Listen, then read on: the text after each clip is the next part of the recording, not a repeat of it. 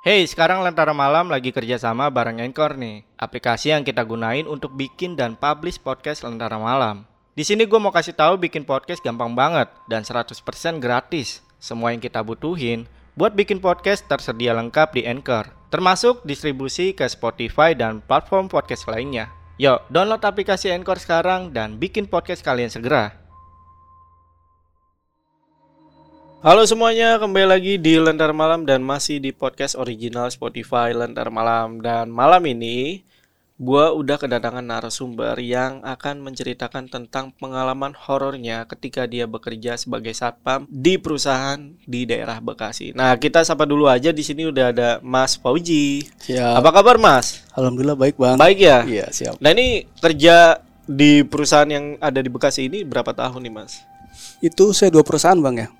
Dua perusahaan yang Betul. akan diceritakan ini. Betul. Oke, berapa tahun? Itu yang pertama sekitar dua tahun tujuh bulan. Mm-mm. Nah yang kedua sekitar dua tahun. Tahun dari tahun, tahun, 2012. 2012 sampai berarti 2014-an.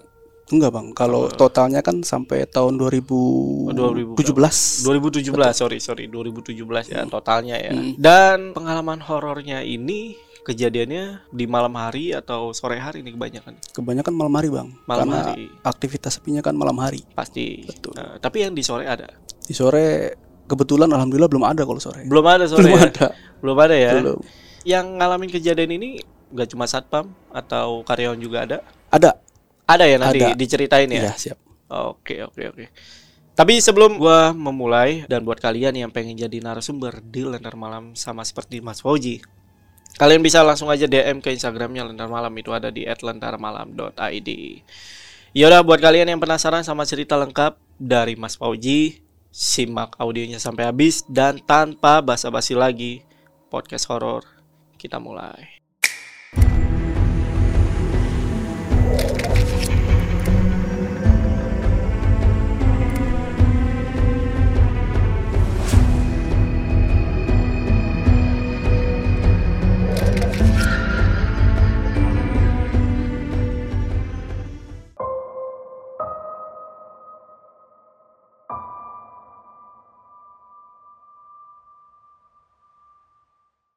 Jadi eh, awalnya tuh saya bekerja di bidang security. Mm-mm. di salah, salah satu kota Bekasi kan di perusahaan. Nah, saya itu bekerja bergabung di bidang logistik Oke. di pergudangan. Nah, salah satu ceritanya itu cerita yang paling berkesan bang ya, Mm-mm. yang pernah nggak pernah saya lupakan sampai sekarang gitu loh. Jadi ceritanya itu ada satu mobil kontainer sedang parkir, dia maju sendiri bang. Mm-mm. Nah posisinya itu jadi di parkiran samping lorong itu posisinya eh, kantong parkir. Jadi di saat parkiran penuh, nah itu Hmm. mobil itu parkir di kantong parkir itu di lorong itu. Oke. Nah posisi parkir, nah di depan parkiran itu ada pos security, tapi posnya nggak berfungsi. Cuman di situ dijaga satu orang. Nah pas waktu itu ada rekan saya, sebut aja namanya Dani, Mm. sedang jaga di pos tersebut Ini kejadian malam, malam sekitar jam setengah duaan. shift malam nih. Betul, shift Oke. malam. Nah, mobil itu maju sendiri ceritanya. Untung teman saya yang jaga ini jalan, Bang. Dia pengen minum ceritanya. Ah. Kalau misalkan dia nggak jalan pengen minum, ketabrak kontainer itu. Ini lajunya kencang nggak? Enggak, jadi posisi parkir dia maju. Cuma namanya kontainer kan gede, Bang. Sepelan-pelannya tetap ini Betul. ya. Dia maju nabrak pos. Ini posnya hancur dong. Posnya itu posisinya depannya hancur. Iya. Jadi ada dispenser, ada meja, ada kursi hancur semua. Gimana? Ini bener-bener nggak ada siapa-siapa. Nggak ada siapa-siapa. Apakah itu kesalahan dari supir yang habis make kontainer tersebut yang nggak dikunci atau gimana? Nah, jadi gini ceritanya, Bang ya. Hmm. Di perusahaan itu SOP-nya mobil parkir harus terganjal ganjal segitiga dan untuk rem tangan dipasang. Mm. Nah, itu saya pastikan untuk mobil itu safety semua, Bang. Karena waktu itu saya yang parkirin sendiri. Ah, Tapi begitu supir parkirin, dia keluar pengen makan, nggak lama kemudian mobil itu maju sendiri. tapi untungnya nggak ada kecelakaannya. Untungnya nggak ada. Oke, lanjut mas. Nah, ini dari awal dulu, Bang ya. Iya. Itu kan salah satu ceritanya. Mm-mm. Nah awalnya itu saya gabung sebagai security itu sekitar tahun pertengahan 2012. Mm. Saya kan dapat kerjanya di bidang logistik. Jadi di gudang sangat besar gitu loh. Nah itu posisi saya jaga itu di gudang kosong bang. Jadi pas saya awal jaga itu di situ eh, ada dua gudang itu masih proses pembuatan, Hmm. masih proyek. Iya iya. Jadi kalau pagi itu aktivitas kontraktor, kalau malam sepi, nggak ada Oke. aktivitas. Iya. Untuk penerangan pun nggak ada bang, Gelap-gelap tuh ya jagain. gelap-gelap. Cuman ada satu lampu tembak, satu yang nyorot itu pun lampu lampu pasangan gitu loh. Hmm, hmm. Nyorot ceritanya waktu itu kita jaga dua orang, sebut aja saya sama si Roni rekan saya gitu loh. Jadi kita jaga di depan loadingan itu di area loadingan, Hmm. ya kan? Saya di sebelah kiri, si Roni sebelah kanan. Jadi karena posisi malam sepi, saya pun nyeletuk bang ceritanya, bro. Mumpung sepi nih, kita mengondisikan aja lah. Tidur bang, tidur pun nggak tidur terlentang gitu loh, cuman tidur tidur ayam gitu. Ah, Nah kita tidur di area gudang tersebut ada tumpukan palet gitu loh di area gudang itu kan. Nah pertama sih saya dulu tuh tidur masuk, ya kan di area gudang itu kan, di palet-palet itu kan. Saya tidur, nggak lama sih cuma setengah jam. Saya keluar tuh kan gantian waktu itu kan si Roni masuk pun ke area gudang tersebut. mm, mm. Ceritanya dia tidur di situ. Gak lama kemudian dia kayak ngeliat cewek bang di situ, pakai kebaya merah. Itu disebutnya kalau di situ terkenalnya selendang merah bang, sosoknya itu. Emang udah banyak yang lihat. Betul. Oke. Nah ceritanya ngelihat cewek itu disangkanya pelayan warung proyek bang. Biasanya kan di mana ada proyek pasti ada warung proyek di situ kan. Mm, mm. Nah karena dia penasaran, ya kan, namanya security kan nalurinya kan penasaran terus gitu loh. Iya. Diikutin lah si cewek itu, jalan kan, diikutin, diikutin ke tengah, sampai tembok dia tembus bang hilang. Itu yang tadi cewek kebaya merah Betul, nembus. tembus tembok. Akhirnya si Roni karena ngelihat tembus ngilang kan, dia lari keluar, cerita seperti itu ke saya. Mm, mm.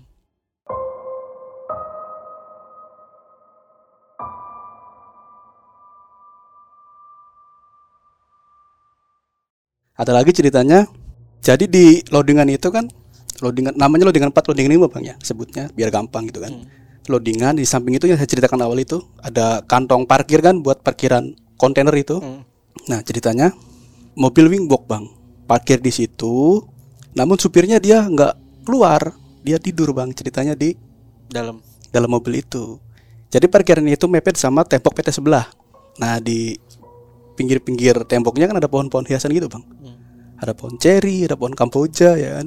Nah, begitu dia tidur, dia ngelihat di atas pohon ceri ada kuntilanak, Bang. Uncang-uncang kaki. Tapi bukan yang sosok kebaya merah ini. ya? Bukan, Beda lagi. beda lagi. Nah, supir itu lari ke pos security kan. Teriak-teriak. Pak, pak, pak, saya ngeliat ini, Pak, ngeliat ini, Pak, gitu kan. Ya akhirnya di situ geger lah untuk cerita itu kan. Nah itu salah satu kejadiannya lagi gitu kan. Ada lagi ceritanya. Ceritanya waktu itu jam setengah dua malam lah. mm, Jadi sama supir parkir juga di situ. Kontainer bang. mm, Kan di depan parkir itu kan ada pos kosong itu yang tadi kontainer maju sendiri itu kan. Nah ceritanya si driver itu pengen kencing bang. mm. WC di pos itu. Di pos itu kan ada WC-nya.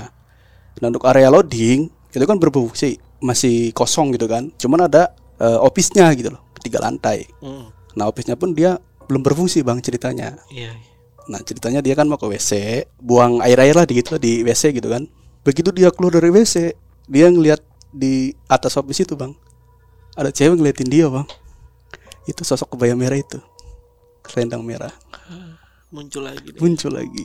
Itu terkenal di situ untuk selendang merah itu. Mm. Yang ini dia ngelihat benar-benar sosok mukanya gak sih? Kalau susuk moka dia cerita ngeliat, cuman matanya tuh ngeliatin dia gitu loh, Hmm. Melototin dia. Menyeramkan atau gimana? Ada yang Kalau itu dia nggak cerita bang. enggak cerita. nggak cerita untuk kebaya merah itu kan selendang merah nama sebutannya di situ. Mm, Nah ada lagi ceritanya waktu itu sekitar jam 4 subuh. Karyawan istirahat kan jam 3 mm, sampai jam 5 Karena jam 4 kan waktu itu kan nanggung sholat subuh bang. Makanya dilampasin sampai jam 5 gitu loh ceritanya kan. Iya. Nah untuk karyawan istirahat ini harus lewat pintu kerangkeng bang. Pintu kerangkeng itu fungsinya buat cek body karyawan. Mm, Jadi keluar masuk karyawan itu di situ harus cek body, entah itu istirahat, entah itu tuker sip, ya kan. Cuman karena takut ada karyawan tertinggal pas istirahat, takutnya ketiduran kan, Iya. otomatis kan itu pintu kan setelah istirahat karyawan ditutup lagi bang dikunci. Pintu kerangkang itu. Otomatis dia diarahkan lewat loading dock lewat area loading itu kan. Dibuka setengah untuk rollingnya gitu loh. Nah ceritanya waktu itu ada TKBM bang Apa itu? TKBM itu sebutannya kuli bongkar muat Oke. buat muat barang gitu loh Hmm. jam 4 sebutannya namanya ocit bang ya untuk TKBM nya jadi si ocit ini pengen tidur cuman area kantin kan jauh bang makanya dia memutusin untuk milih tidur di dalam gudang itu Sendiri. sendiri di tumpukan pelet-pelet itu kan Udah salah tuh. Iya. ya kan karena kalau pas jam istirahat kan area loading atau gudang kan dipatiin semua untuk penerangan gitu kan Hmm. Ntar kalau aktivitas mulai lagi baru dinyalain lagi bang ceritanya nah dia tidur dia ngelihat karyawan nggak ada kepalanya di atas forklift bang Enggak ada Maksudnya ini ada lagi nih. Ada. Sosok lain lagi. Sosok lain lagi Banyak ya ternyata ya. betul bang Terus apa yang terjadi tuh sama si Bang Ocit ya? si Ocit langsung lari Langsung lari. langsung lari ke pos dia teriak-teriak Ya sama laporan ke saya waktu itu kan saya yang jaga di pos depan gitu kan Hmm.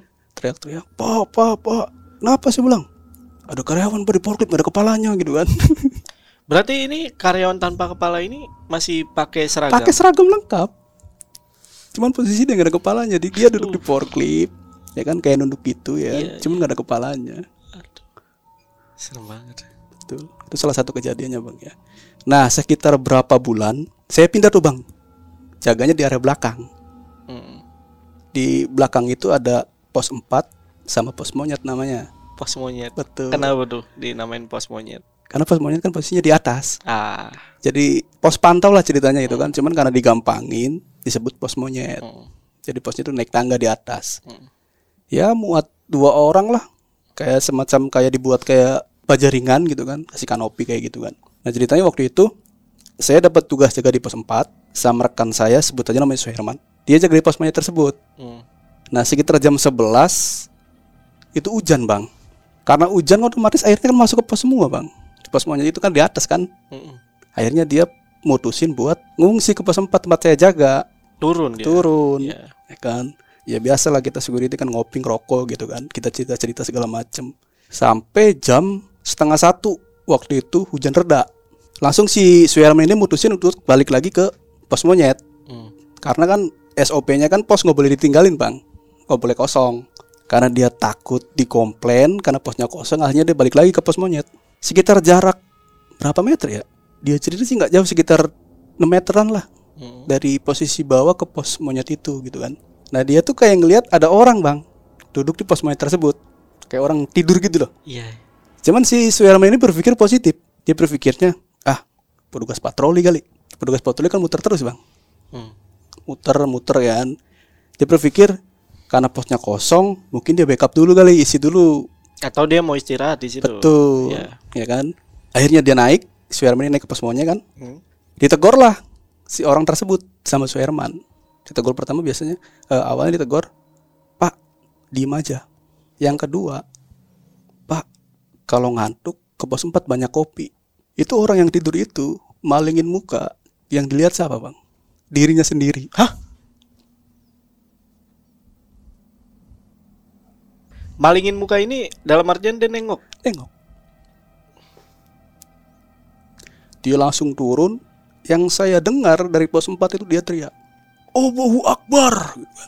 Langsung lari dia ke pos 4. Oh ini serem banget ini asli serem banget kalau ya kita ngelihat tak tahu diri kita sendiri. Betul. Berarti dia sama nih pakai seragam, Pakai seragam, menyerupai banget lah menyerupai. ya. Terus gimana tuh abis itu? Habis itu dia lari kan dari pos monyet ke pos 4. Hmm. Awalnya saya tanya itu dia diem aja bang. Mungkin shock kali ya. Saya tanya itu. Kenapa bro? Saya bilang. Cuma dia diem aja bang. Hmm. Akhirnya dia minum dulu minum. Saya bilang. Minum. Rokok rokok yang rokok. Saya bilang. Begitu sekitar dua menit lah. Dia pun cerita. Dia cerita seperti itu. Dia ngelihat dirinya sendiri di pos monyet. Tapi nggak berkata apa-apa itu sosoknya, nggak berkata apa-apa. Cuma nengok aja. Betul. Ini kan sempet tadi sempet dibangunin gitu ya. Iya, itu sempet. dia Enggak, dia dia enggak nepok-nepok. Oh, Dia nggak cuman nepok. cuman Pak ah. gitu. Hey, sekarang Lentera Malam lagi kerjasama bareng Anchor nih, aplikasi yang kita gunain untuk bikin dan publish podcast Lentera Malam. Di sini gue mau kasih tahu bikin podcast gampang banget dan 100% gratis. Semua yang kita butuhin buat bikin podcast tersedia lengkap di Anchor, termasuk distribusi ke Spotify dan platform podcast lainnya. Yuk, download aplikasi Anchor sekarang dan bikin podcast kalian segera. Ada lagi? Ada lagi, Bang. Aduh banyak nih. Oke, siap yuk. Jadi ceritanya masih di pos belakang ya. Di pos 4 sama pos monyet. Nah, ceritanya waktu itu hari Sabtu malam Minggu, Bang. Hmm. Jadi di PT itu kalau Sabtu Minggu karyawan libur. Sepi deh tuh. Sepi. Namanya security kan nggak kenal Iya. hari libur atau apa pasti masuk gitu kan. Yang penting jatahnya masuk ya masuk gitu loh. Nah, ceritanya waktu itu saya jaga di pos 4, ada teman saya namanya si Abe ceritanya. Abe. Betul. Dia jaga di area loadingannya, Bang. Hmm. Di depan pos 4 kan. Jadi loadingan pos 4 baru pos monyet sebelah sana kan. Iya. Jadi ceritanya dia jaga di loadingan itu. Nah, ceritanya karyawan istirahat, Bang. Kalau karyawan istirahat kan sepi semua, dimatin semua. Itu pun nggak ada karyawan pas off kan. Mm-mm. Nah, ceritanya waktu itu, "Bro," si bilang, "Turun." Namanya sepi kan. Ngapain di loadingan terus? Saya bilang, "Tidur di sini di pos." Cuman dia nggak mau waktu itu. Enggak, saya tidur di sini aja. Jadi di area loadingan itu ada eh, ruang admin, Bang. Hmm. Ruang buat driver ngambil surat jalan. Iya. Jadi di depan ruang admin itu ada apa sih namanya kursi panjang buat tunggu gitu kan. Nah, dia tidur di situ bang ceritanya, ya kan. Padahal saya udah ingetin tuh suruh turun, cuman dia nggak mau. Iya. Pas dia tidur itu ada yang bisikin bang, pindah. Cuma dia- nggak menghiraukan. Lama kelamaan dia disentil bang, disentil. Itu dia disentil, baru dia turun. Apanya ini yang di Telinganya, kupingnya nih? iya. Yang dia rasakan itu panas katanya. Bandel sih ya. Iya betul. Ini suaranya sosok cewek kah atau cowok? Nenek-nenek. Terus gimana tuh? Jadi ceritanya itu yang saya dapat dari yang lama di situlah. Iya. Entah itu TKBM, entah itu karyawan. Jadi di area loadingan itu emang angker, loadingan 6 itu. Hmm. Katanya sering ngelihat ada anak-anak lari, ada nenek-nenek di situ. Dan kemungkinan nenek-nenek itu yang Betul. Nyentil itu nyentil. Terus apa lagi nih mas? Ini kayaknya masih banyak ini. masih banyak. Masih banyak kan. Gokil. Oke. Nah, lanjut. Sekitar berapa tahun di situ? Saya kan di situ kerja kurang lebih dua tahun tujuh bulan, Bang. Mm-mm. Nah sekitar setahunan lah. Jadi PT itu dapat cabang bang, gudang cabang. Hmm. Jadi ceritanya cabangnya itu jauh dari PT mana-mana gitu loh. Jadi gudang satu, sebelah sebelahnya tuh nggak ada PT, lahan kosong. Lahan kosong aja. Betul. Di daerah? Sama satu kawasan itu, Oh satu kawasan. satu kawasan. Jaga di situ sendirian bang. Itu pun nggak ada pos. Jadi cuman gudang, kanopi. Nah di bawah kanopinya itu ada meja sama kursi sama dispenser buat security jaga di situ. Dan itu harus satu orang aja. Betul satu orang. Aduh. Jadi karyawan pun aktivitas sampai jam 5 sore doang. Iya. Jadi karyawan sampai jam 5 begitu selesai ya dikunci semua. Gudang pun dikunci, disegel kan biar nggak masuk gitu loh untuk karyawan atau orang atau security gitu kan. Hmm. Ya kita pun bingung mau buang-buang air juga di mana gitu kan karena disegel semua gitu kan. Oh iya benar. Betul. Nah sekitar jam 2 lewat atau setengah tigaan lah Itu saya mendengar suara kayak benda jatuh Glubrak gitu kan Cuman saya bingung bang mau masuk gimana kan karena dikunci semua Di kuncinya ini bukan lo yang pegang nih. Bukan dari karyawan kan Dari disegel, karyawan. disegel juga Iya iya. Ha, Oke oke. Di situ Nah selang benda itu jatuh Cuma kan di rolling door, rolling door kan ada sela-sela sedikit gitu kan Bisa, Untuk iya. ngintip gitu Iya, kan iya, bisa ngeliat. Porkip jalan sendiri bang Hah? Tit tit tit gitu Ini jalan bener-bener jalan nih. Nggak suaranya doang Oh suaranya nyala. nyala Oke. Itu untuk di cabang gudang itu kan Mm-mm. ya saya saya pun bingung mau minta tolong sama siapa gitu kan jaga sendirian Mm-mm. di sebelah sebelah juga jauh semua akhirnya ya udah andepin aja lah sebelum sampai pagi gitu kan akhirnya ya nggak tahu hilang sendiri gitu loh untuk bunyinya juga Tapi lama. lama sekitar 10 menitan lah Iya lumayan lama sih. Di, di, Iya, gitu, gitu. aja. Itu ciri khasnya kalau forklift mundur kan atau enggak baru dinyalain kan kayak gitu bunyi Mm, mm. untuk di cabang gudang itu. Berarti yang yang jaga di situ kesian dong. Maksudnya tuh kayak ibaratnya ya gua kena kena Iya, sial iya nih. bener. Gitulah gitu Iya ya. bener. Eh, Heeh. kalau setiap jaga gudang itu Bener gitu. bener. Itu di rolling bang. Iya, eh, ya, ya, pasti gitu-gitu ya. Iya betul. Saya kebetulan sering dapet di situ gitu loh. di gudang itu gitu kan. Ya, kalau jaga pagi mah enak ada karyawan kan. Mm-mm. Kalau kita pengen istirahat tinggal masuk, Iya, iya. mau buang-buang tinggal masuk. Kalau malam bingung. Bingung ya. Iya.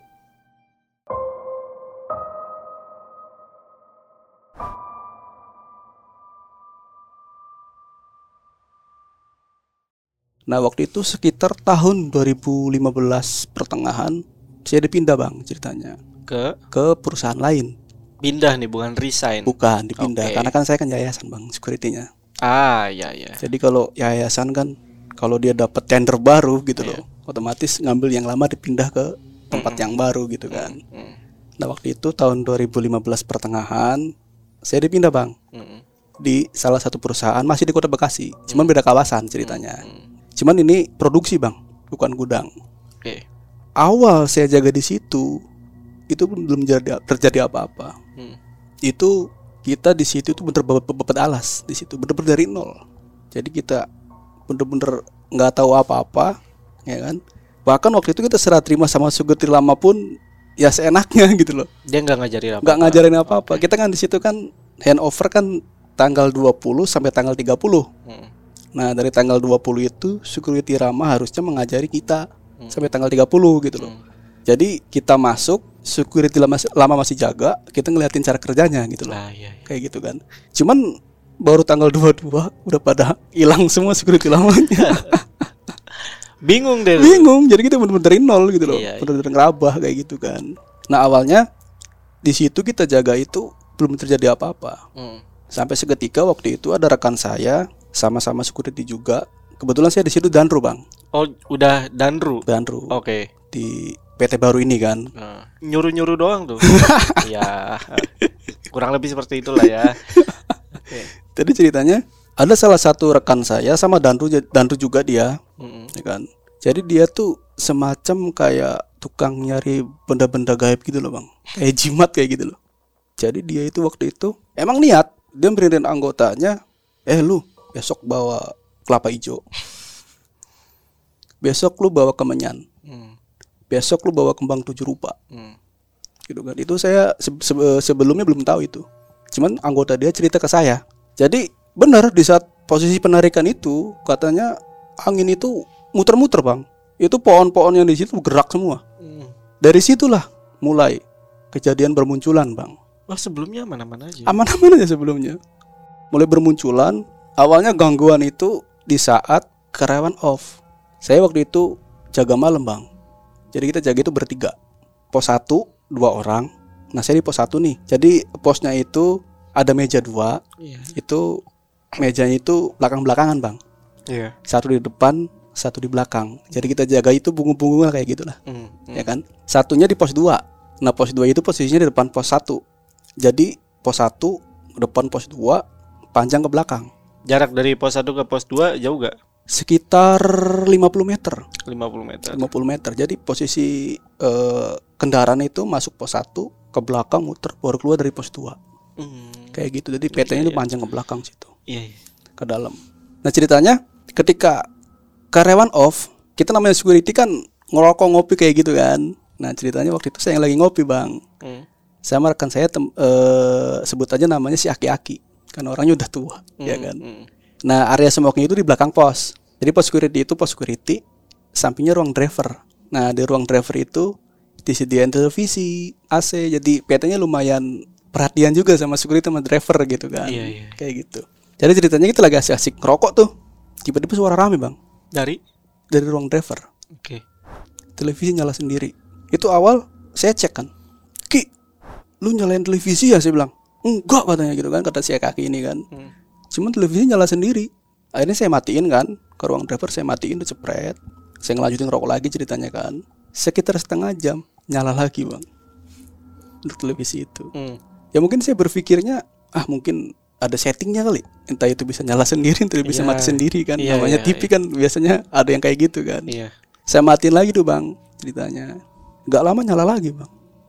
Waktu itu tiga kali nyala Udah mati, hidup lagi, mati, hidup Iya. lagi sampai tiga kali nih. Iya. Oke. yang terakhir saya nggak matiin itu bodo amat sampai pagi karena udah ini juga kan udah saya matiin nyala lagi gitu kan Iya, iya. iya. Oh tapi nggak sempat dicopot ya nggak ber- nggak berani saya bang Oh nggak berani. nggak berani karena kan ya ini juga namanya SOP-nya kan kita nggak boleh asal-asal nyabut-nyabut aja gitu kan Hmm, iya, kayak gitu. iya, iya. Jadi kita nggak berani kayak gitu. Itu salah satu kejadiannya gitu kan. Nah, ada lagi ceritanya. Jadi di tempat saya ini yang baru SOP-nya itu kalau jam 12 malam untuk penerangan komputer AC wajib wajib dimatiin, Bang. Iya. Intinya mengirit listrik lah kayak gitulah, ya kan. Ceritanya waktu itu jam setengah satu, saya ingat tuh. Wah iya, belum saya matiin saya bilang. Jadi office-nya itu lantai tiga bang Hmm. lantai satu, lantai dua itu berfungsi. Nah, lantai tiga itu kosong office-nya itu. Iya. Cuman ada ruangan besar di lantai tiga itu buat meeting. Nah, itu hasilnya nyala terus, ya kan. Akhirnya saya ngajak si Aki kan. Ayo Pak, saya bilang, patroli ke dalam. Ayo Pak, ada dia kan. Akhirnya saya matiin tuh. Untuk lantai satu aman bang, lantai dua aman. Begitu naik lantai tiga, belum sampai masuk nih, Hmm. baru nginjekin kaki gitu kan. Udah ada cewek bersenandung bang, Ini suara aja tapi. suara aja. Oke. itu suaranya kurang lebih kayak dibilang nangis nggak nangis gitu kan dibilang nyanyi nggak nyanyi bersenandung kayak gitu. Iya. akhirnya saya Bismillah kan saya nyalain lampu ya nggak ada apa-apa kosong bang. Hilang gak suaranya? hilang. Hilang. kosong ya kan. Langsung saya buru-buru matiin AC di ruang meeting itu. Begitu saya matiin ayo ki saya bilang. Balik lagi ke pos satu. Tapi dia nggak tahu gitu loh si aki-aki ini. Begitu turun ke pos satu saya lihat di lantai satu di salah satu ruangan bagian keuangan bang. Hmm. itu lampu nyala sendiri. Itu saya sadar gitu loh saya matiin lampu itu. Iya. tapi saya sampai pos satu nyala nyala sendiri lampunya. Akhirnya otomatis saya ngajak si ini kan ayo saya bilang matiin lagi. Ayolah saya bilang. Langsung saya matiin lagi lampu ya kan. saya balik lagi ke pos. Nyala lagi bang lampunya. Itu pas sekarang off loh nggak ada karyawan Gak ada siapa-siapa lah nggak ada ya. siapa-siapa cuman security doang gitu Aduh.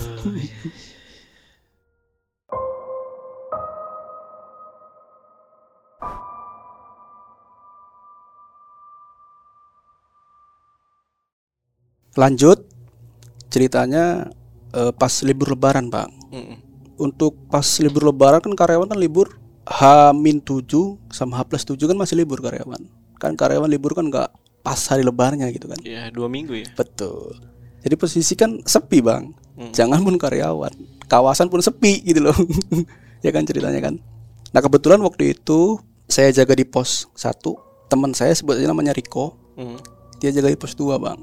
Jadi waktu itu sekitar jam 2-an si Riko ini kebelet, Bang, ceritanya. Jadi di pos 2 ini nggak ada WC. WC-nya di pos 1. Akhirnya pun dia pun izin kan. Ru, ngonek pakai HT kan.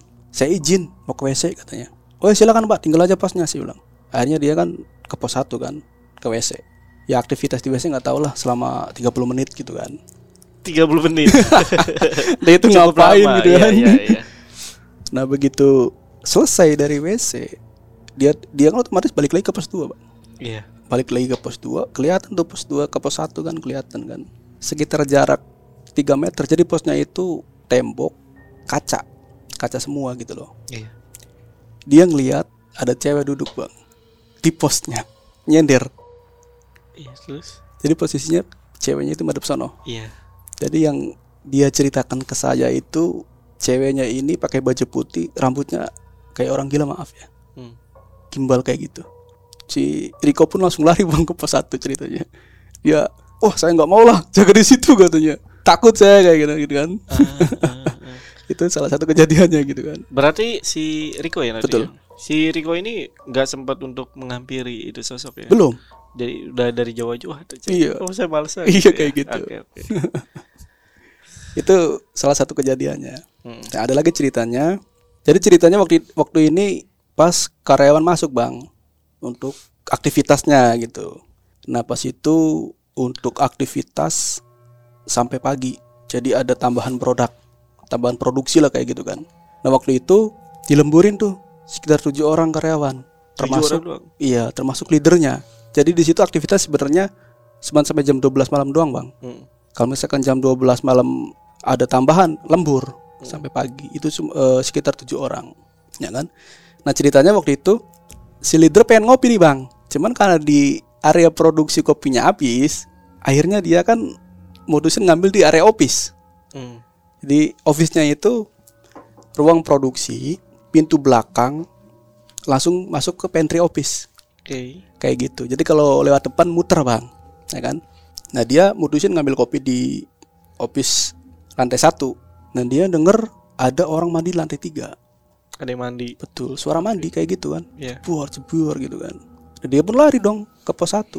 Pas kebetulan saya yang jaga waktu itu, Hmm. ya kan? Dia bilang, orang office masih ada yang belum pulang ya? Nah, saya pun kaget dong. Ah masa yang bener saya bilang. Orang office pulang jam 5 sore semua kok. Hmm. Tapi saya dengar ada yang mari pak di atas katanya. Udah saya disamperin aja lah bareng-bareng saya bilang. Akhirnya disamperin tuh bang.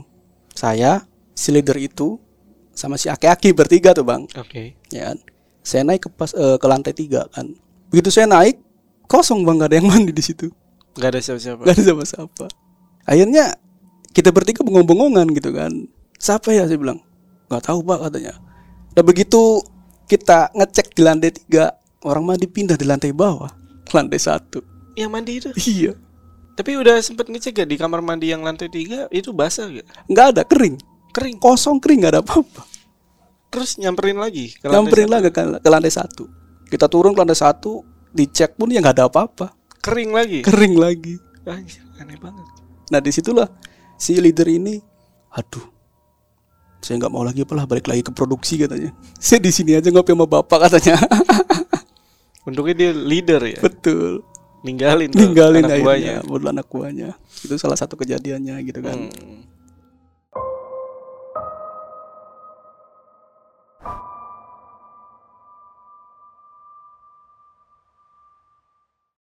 Itu untuk cerita yang terakhir tuh ya. itu yang terakhir Oke, ini ada beberapa pertanyaan sih gua. siap Untuk yang awal sih, yang pabrik yang awal tuh. Eh, itu kan ada sosok kebaya merah, terus ada sosok nenek-nenek sama anak kecil, bahkan ada yang kepala buntung ya. Dan ini ada sejarah yang Mas Fauji tahu gak sih? Sosok ini tuh berasal dari mana, kenapa gitu.